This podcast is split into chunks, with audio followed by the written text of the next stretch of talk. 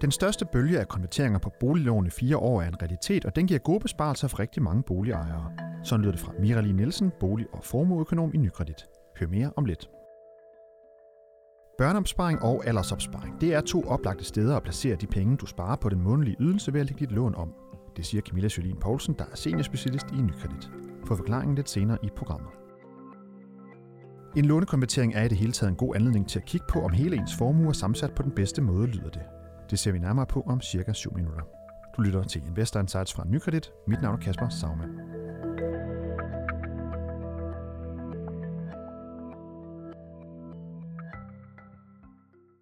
Mere end 80.000 danske boligejere de får et nyt lån per 1. juli. De har nemlig valgt at konvertere deres lån frem mod fristen, der sluttede 30. april. Konverteringen den er drevet af faldende renter og et 1,5% lån i en meget attraktiv kurs, og vil for hovedparten betyde en lavere månedlig ydelse. I dag her podcasten kigger vi lidt på, hvordan man bedst forholder sig til den type af ændring i ens økonomi, som sådan en omlægning vil være. Derfor har jeg fået besøg af to eksperter på området, nemlig dig, Mira Lee Nielsen. Velkommen til. Tak for det. Bolig- og formueøkonom her i Nykredit, og velkommen til dig, Camilla Jolien Poulsen. Tak for det. Seniorspecialist i Nykredit. Og øh, jeg tænkte på, Mia, vi lige kunne starte med dig, og lige øh, i forhold til den her konverteringsbølge, hvor 80.000 danskere altså har omlagt deres boliglån. Øh, hvad er det for nogle tendenser, vi ser i den her bølge, som, øh, som vi lige har været igennem? Altså for det første, så er det, det er den største konverteringsbølge i øh, siden 2015. Øh, og det er rigtig mange boligejere, det drejer sig om. Det er, du nævnte selv, 80.000, og det er for 100 milliarder cirka, der er konverteret lån for. Og hvad, hvad skyldes det, at det er den største i, ja, i fire år? Det skyldes jo, at der har været sådan et, et ret kraftigt rentefald igennem 2019 og herop til opsigelsesfristen også. Øh, så der har været gode besparelser for rigtig mange boligejere. Og, og nu, nu, nu er det den største. Hvor, hvor, hvor meget større er den end, end nogle af de foregående runder, der har været? Øh, hvis man ser tilbage de seneste par år, så ligger de og svinger mellem øh, 20 og 40 milliarder, så 100 milliarder er jo altså ret meget.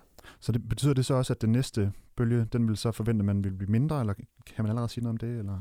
Altså med de renteniveauer, vi ser lige nu, og hvis de bliver ved med at være så lave, øh, det er jo svært at spå om på kort sigt. Øh, men altså eksempelvis i dag, øh, går lukkede 1,5% lånet med afdrag, øh, og i dag er det så et øh, 1% lån, der er åben, og det ligger altså i den her periode og svinger op og ned, og fortsætter det frem mod næste opsigelsesfrist i juli, så, øh, så kan man godt forestille sig det. Og når vi så ser den her øh, konverteringsbølge, hvad, hvad, er det for nogle, øh, hvad er det for nogle tendenser i forhold til, hvad er det for nogle lån, folk er gået, øh, gået fra og til osv.? Det er i høj grad en vandring mod fast rente. Øh, om man kommer fra fast rente med en højere øh, øh, kuponrente fra 2,5 procent, måske endda 3, øh, men ned i 1,5 procent fast rente, og det har også været en vandring fra folk, der har variabelt forrentet lån, og mod den faste rente. Og det er også noget med, at man, når man skal, hvis man skal nedkonvertere, øh, så skal der også gerne være en, altså det kan ikke, måske ikke betale sig, hvis man går fra to til halvanden, eller hvad? Altså er det noget, man skal gerne, der skal gerne være minimum 1 procent, eller hvordan er det? Sådan kan man ikke som hovedregel sige det okay. øh, i de her lave renteniveauer, der er lige nu. Øh, men altså, øh, det, det, det kræver en individuel vurdering, men typisk skal man lidt længere op øh, og sige for eksempel fra øh, 2,5 minimum, og måske endda gerne lidt højere. Øh, men 2,5 og men halvanden procent, folk, der har siddet med 2 procents lån, øh, der har også været nogle omlægninger. Øh, og det kan jo for eksempel være, hvis man øh, ønsker at låne ekstra op, at det kan stadigvæk, hvis man nu i forvejen havde tænkt sig at lave noget om med sit lån, at det også var en god lejlighed til at få det gjort. Og hvis vi bare lige tager et eksempel, øh, inden vi går videre til, til dig Camilla, bare lige for at tage et eksempel på, hvad det er for en besparelse, vi, vi, vi taler om her. Altså hvis man har et realkreditlån på, lad os bare sige 3 millioner, for eksempel for at tage et nogenlunde rundt tal, øh, hvad er det, man så sparer i, i, øh, i kroner og øre øh, Altså hvis vi, hvis vi antager, at det har været en rente på, på det lån på 3 millioner på, på 2,5 procent, og man går ned i 1,5 procent, så er det en besparelse i underkanten, måske omkring 5.500 øh, efter skat oh. om året. Ja. Så øh, det kan, hvis man har selvfølgelig højere rente eller større lån, så er det jo, så er det jo flere penge, vi taler om. Og Camilla, hvad er det så, hvis man lige får de her penge frigivet, så 5500 på et års budget? Øh, ja, hvordan anbefaler øh, Nykredit, at man ligesom forholder sig til det i ens økonomi? Altså forudsat, at man ikke allerede har nogle planer med de penge, så, øh, så kan man sige, at en besparelse af den der størrelse vil jeg tro for mange danskere, vil være noget, hvor man ret hurtigt, der skal sikkert ikke mange måneder til, før man vender sig til, når nu det er det penge, jeg har om måneden. Så et godt råd herfra kunne være, at man fra start af siger, at jeg har jo været vant til at, at betale det her udgiftsniveau. Så måske fra start af sige, de 500 kroner eller 1000 kroner, jeg sparer, øh, dem sørger jeg for at lagt til side med det samme, fordi det er jo sådan, at alle begge små bliver til rigtig meget.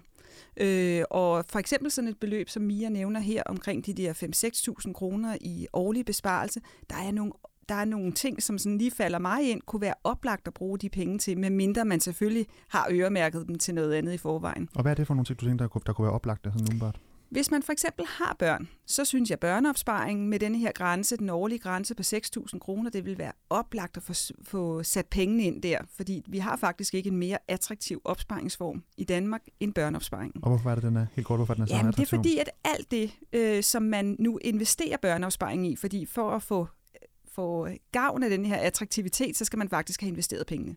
Men alt det, man får i afkast i hele bindingsperioden, indtil barnet bliver for eksempel 21 år, alt det afkast, man får fra obligationer og aktier, det er et stort rundt nul i skat.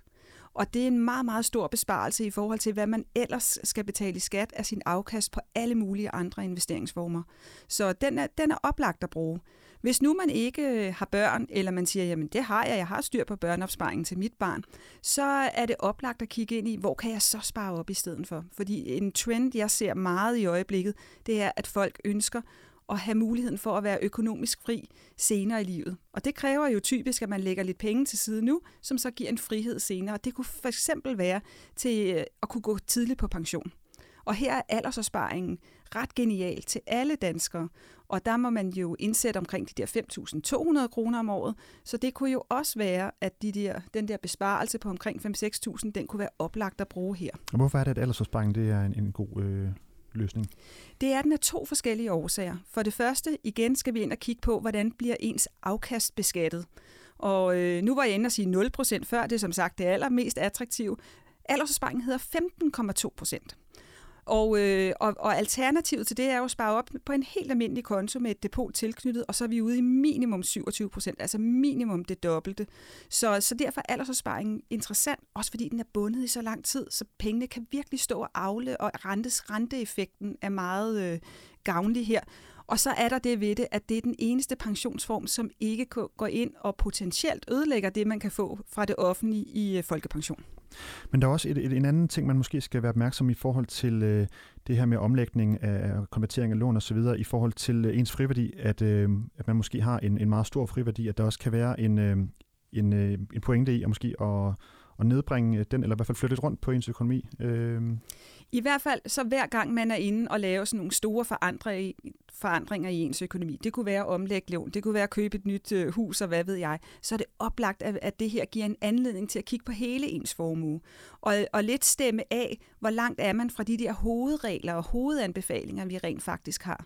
Og øh, det kunne for eksempel være at sige, at det er en god ting at sikre, at ens gæld på det tidspunkt, man stopper med at arbejde, ligger et sted mellem 40 og 60 procent. Og det kan man jo få ens rådgiver til at, at regne, regne frem og sige, okay, med den omlægning, jeg laver nu, hvad vil min gældsætning så være på det tidspunkt, for eksempel som 65-årig? Det kunne være interessant at kigge på det, øh, fordi det er jo sådan, at det ikke, med ens formue gælder det om ikke at lægge alle æg i en kurv. Så det der med bare bevidstløst at sørge for at få det der lån væk så hurtigt som overhovedet muligt, det er ikke sikkert, at det er det, der er interessant og attraktivt for en. Omvendt er det heller ikke super godt at skylde for mange penge væk, fordi så lukker man for mulighederne for senere, når man går på pension. Og det ved jeg rigtig mange af vores kunder er bekymrede for. Når nu jeg går på pension, smækker vi så kassen i? Kan jeg så ikke få lov til at låne mere? Kan jeg ikke få afdragsfrihed osv.? Og, øh, og hovedreglen er, at vi er ret åbne for det, så længe man ikke skylder mere end 60 procent væk. Så det er en god idé at sørge for at fremtidssikre sin økonomi og sin frihed på den måde, ved at skylde det rigtige beløb væk. Ja, fordi sådan en, en konvertering kan jo netop også gå ind, og altså hvis man lægger sit lån om, så kan man jo også godt gå ind og, og ligesom styre, ja, hvor meget øh, gæld man har i, sit, ja, altså, øh, i, i sin bolig. Noget af det, vi også har set, det er, altså, fordi boligpriserne er øget over en længere årrække i, bredt i hele Danmark, selvfølgelig mere i nogle områder end nogle andre, så er der muligt for øh, folk rundt omkring at låne op øh, og, og, og, og låne lidt ekstra i friværdien øh, og eventuelt bruge dem til at, at spare op et andet sted, hvis man nu, og det er der ikke noget farligt i som sådan, hvis man altså har en friværdi af en vis størrelse. Og er du allerede i dag øh, under 60 procent i belåning, så er der ikke nogen øh, far i det, men måske har et hul et andet sted i økonomien. Det kunne være pensionsopsparingen, øh, øh, der halter lidt. Øh, så er det jo sådan set fornuftigt nok at gøre det på den måde. Så hvis man har for eksempel øh, ja, en meget, meget stor friværdi i ens bolig, så kan man øh, realisere noget, eller ja, egentlig lave, lave det om til kontanter, så at sige, og så indbetale det på en, en pensionsordning. En, øh, det, som rigtig mange af vores kunder gør, og som for rigtig mange er en god idé, det er at sikre, for eksempel hvis man som Mia siger, allerede har en rigtig flot friværdi i sin ejendom, og så have en snak om, måske giver det ikke mening at gøre den friværdi endnu større, men i stedet for for eksempel have et afdragsfrit lån, og så kanalisere den besparelse ved at have afdragsfrihed over i en anden opsparingsform. Det kunne være pension, det kan også være opsparing i frie midler. Og øh, ja, fordi vi ser jo netop også, at danskerne har meget stor friværdi i øjeblikket. Et, et, et tal, der var fremme øh, sådan for relativt nylig, det er omkring 1000 milliarder kroner har danskerne i friværdi i, i boligen. Hvad, hvad er det, der har, har drevet den? Altså tallet var 600 milliarder for, øh, jeg tror det var 2012, så den er steget ret meget. Hvad, hvad er det, den er drevet af, Mira? Jamen, det, er især, det er især drevet af, at, øh, at boligpriserne er øget kraftigt, og at det er i hele Danmark, de stiger øh, og har gjort det i en overrække. Øh, men så er det også drevet af, at danskerne, modsat hvad vi har set under tidligere kraftige boligmarkedsopsving, især det, der var midt i nullerne, så låner boligejerne i dag ikke op i friværdien i samme grad, som man gjorde dengang. Og det hvad, er sådan set hvad, fint nok. Hvad, hvad skyldes det, tror du? Ja, så i bund og grund tror jeg, at alle er blevet mere fornuftige og kan se, at bolig, er fuldt, fuldt bevidste om, at øh, boligpriser aldrig vokser ind i himlen, og på et eller andet tidspunkt, så når de loftet. Øh, og man kan sige, det går rigtig godt i dansk økonomi, men vi er jo heller ikke i en situation, hvor boligpriserne drøner opad. Øh, det har de gjort i nogle år i ejerlejl, på ejerlejlighedsmarkedet, men hvis vi ser bredt ud i Danmark, det, det, det er så også stoppet op nu, øh, men det er i høj grad været drevet af, øh, af faldende renter. Og det kan godt være, at vi også har faldende renter nu, men de, der er også grænser for, hvor meget mere de kan falde. Nu skal jeg selvfølgelig passe på, hvad jeg siger.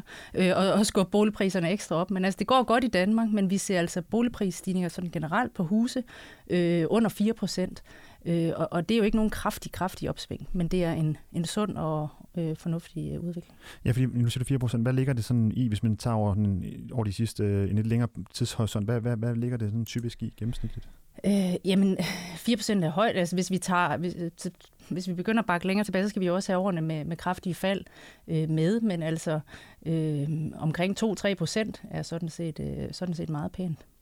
Og Camilla, du nævner altså det her med, hvis man, hvis man får øh, de her rådrum fra at have omlagt sit, øh, sit lån, og de her, lad os sige 5500, som vi snakker om, og man kan enten for eksempel øh, sætte dem ind på en børnesparing, eller ind på noget pension, eller så sparing for eksempel. Hvis nu man er i tvivl omkring, skal jeg vælge det ene eller andet, og begge op, muligheder egentlig virker oplagte, hvad, øh, hvad gør man så? Jamen, så gør man det, som jeg altid anbefaler, nemlig at tage en god snak med sin rådgiver og, øh, og, og, og få øh, noget sparring omkring det. Og det gælder jo også, som I er inde på, at sige, nu har vi haft den her stigning i boligpriser på grund af rentefaldet, og øh, derfor er det jo også oplagt at og netop, som Mia siger, gå ret sig over mod den faste rente, så du har noget friværdi, friværdisikring der.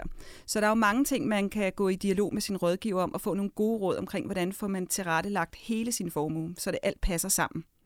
Og nu er det jo altså den her konverteringsbølge, som sluttede 30. april, som vi lige øh, tager udgangspunkt, øh, og den næste, den, øh, den uh, ligger så her tre måneder øh, senere. Hvad, hvad er ligesom øh, forventningerne til, til den lige umiddelbart? Øh, jeg ved godt, det er svært at spå om selvfølgelig, men sådan, hvis man skulle komme med et, et bud. Jamen altså, vi var lidt inde på det i starten, øh, og nu også, at øh, det lige i dag, i de her dage, hedder et 1% fastforrentet lån, og det åbner jo selvfølgelig muligheden op for endnu flere at lave en øh, nedkonvertering. Øh, men, men det er svært at sige, men altså, budet er jo, at det fortsætter på et højt niveau, om det bliver lige så højt, det, det, det tør jeg altså ikke spå. Kan man komme med en anbefaling omkring, hvornår man, eller ja, en generel anbefaling til, hvilket låntype man skal vælge i de her dage? det vil jo være en, ligesom med al anden øh, økonomisnak, er det individuelle vurderinger.